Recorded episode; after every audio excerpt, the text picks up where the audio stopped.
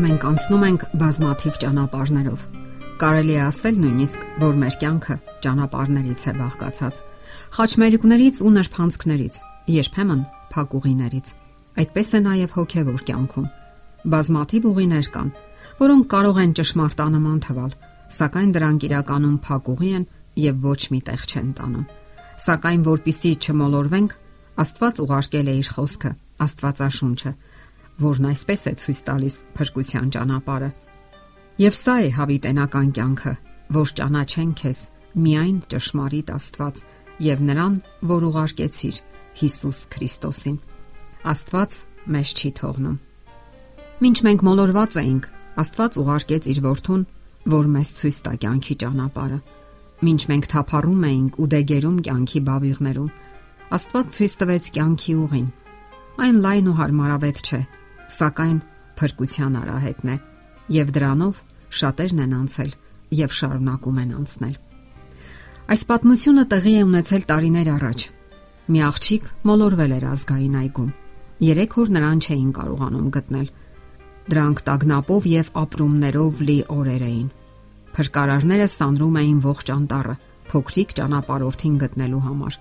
Նա ինքնակամ գնացել էր զբոսանքի եւ հանկարծակի անհետացել ազգային մեծ այգում այդ ամռանը հազարավոր մարդիկ էին հավաքվել եւ ճամբար խփել։ Եվ ահա տարածքը բաժանվեց հատվածների։ Բոլոր ջանքերը ներդրեցին անհետացած աղջնակին գտնելու համար։ Ստուգում էին այգուց դուրս եկող յուրաքանչյուր մեքենա։ Ուր կարող էր անհետանալ աղջիկը։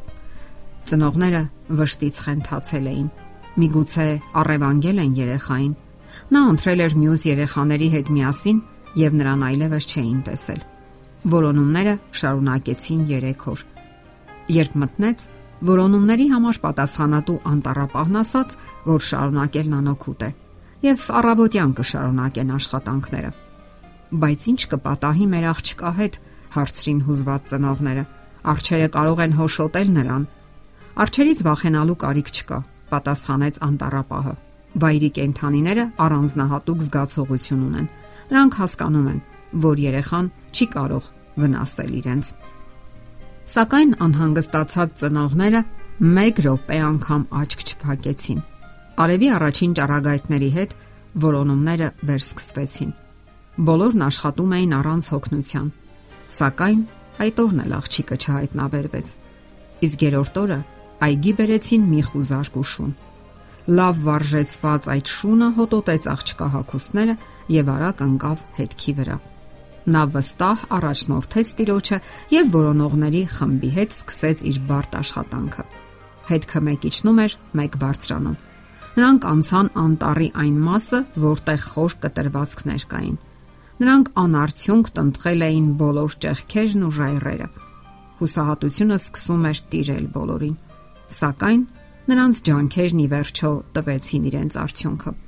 Վերջապես բավական ժամեր անց անտառապահը հովտի ներքևում բացատում տեսավ աղջնակի քամուց ծածանվող գզգզված մազերը։ Խումբը մտեցավ միանգամայն խաղաղ ու հանգիստ նստած աղջնակին։ Նրա ձեռքին մի գեղեցիկ գավաթ կար, որով նա ճամբարում ջուր էր խմում։ Աղջկա առաջին ցանկությունը կաթ խմելն էր։ Նրան ասացին, որ ինքը կորել է եւ ուրախ են, որ ահա գտել են իրեն։ Ոչ, ես չէի կորել, պատասխանում է նա։ Ես այդ ամբողջ ընթացքում այստեղ էի։ Ապա մի փոքր լռելուց հետո ավելացրեց. Մեծ արջը եկավ ինձ նայելու։ Ես կարծում եմ, որ այդ նա էր կորել։ Եվ այս աղջնակի նման շատ մարդիկ այսօր չեն պատկերացնում, որ իրենք կորած են։ Իսկ կորչելը հատկապես հավիտենության համար իսկապես վատ բան է։ Սակայն ավելի վատ է, երբ կորչում ես, սակայն չես գիտակցում, որ կորած ես։ Մեր պատմության աղջնակը փրկեց իրեն որոնողների ջանքերի շնորհիվ։ Մենք նույնպես փրկված ենք մեզ որոնող փրկչի ջանքերի շնորհիվ։ Մովսեսը գրում էր. Երանի քեզ Իսրայել, Եհովայի ձեռքով փրկված ժողովուրդ։ Դարեր առաջ մարդիկ ուրիշ կյանքով էին ապրում։ Նրանց հայտնի չէր շատ հիվանդությունների բուժումը Նրանք մահանում էին այդ հիվանդություններից, պատերազմներից, բռնություններից։ Այդպես էր նաև Հիսուսի օրերում, երբ քչերն էին երջանիկ։ Անբավարարություն էին զգում թե հարուստները, թե աղքատները։ Հարստությունը չէր օգնում երջանկություն ձեռք բերելու համար, որովհետև ճշմարիտ երջանկությունը ոչ թե նյութական իրերի մեջ է, այլ այն բանի գիտակցության մեջ, որ Աստված փրկել է մեզ։ Հիսուսի մեծ ճշմարտությունն է ամփոփված այս խոսքերում, որովհետև մարդու որդին եկավ, որ որոնի եւ ապրեցնի կորածին։ Սակայն ինչպես մեր պատմության հերոսը չէր հավատում, որ կորած է, շատ մարդիկ նույնպես, ինչպես արդեն նշեցինք, անգամ չեն գիտակցում, որ կորած են։ Իսկ ահա գիտակցողները ջանքեր են գործադրում, որ փրկվեն։ Կրոնների մեծ մասը փաստորեն հենց դրանով է զբաղված։ Նրանք փրկության ճանապարհներ են առաջարկում մարդկանց եւ ոչ միայն առաջարկում են, այլ նաեւ առաջնորդում են։ Ցավոք այդ ճանապարհները շատ-շատ են։ Իսկ ահա ճշմարիտ փրկությունը մեկն է՝ Հիսուս Քրիստոսը։ Լայն ու հեշտ ճանապարհները չեն տանում փրկության։ Փրկում է Քրիստոսը։ Նա եկավ եւ ցույց տվեց ճշմարիտ ուղին այն նեղարահետը, որը միայն հասցնում է հուսալի ավարտին։ Սակայն նրա դեմ պայքարում են, դիմադրում են, փորձում են անտեսել։ Իսկ մնացած բոլոր ճանապարհները փրկություն եւ հանգստություն չեն տալիս մարդու տանջահար եւ շփոթահար հոգուն։ Աստվածաշունչը այսպես է ցույց տալիս փրկության ճանապարհը։ Եվ սա է հավիտենական կյանքը, որ ճանաչեն քեզ միայն ճշմարիտ Աստված եւ նրան, որ ուղարկեցիր Հիսուս Քրիստոսին։ Եթերում է ղողանջ հավերժության հաղորդաշարը։ Ձեզ հետ է Գեղեցիկ Մարտիրոսյանը։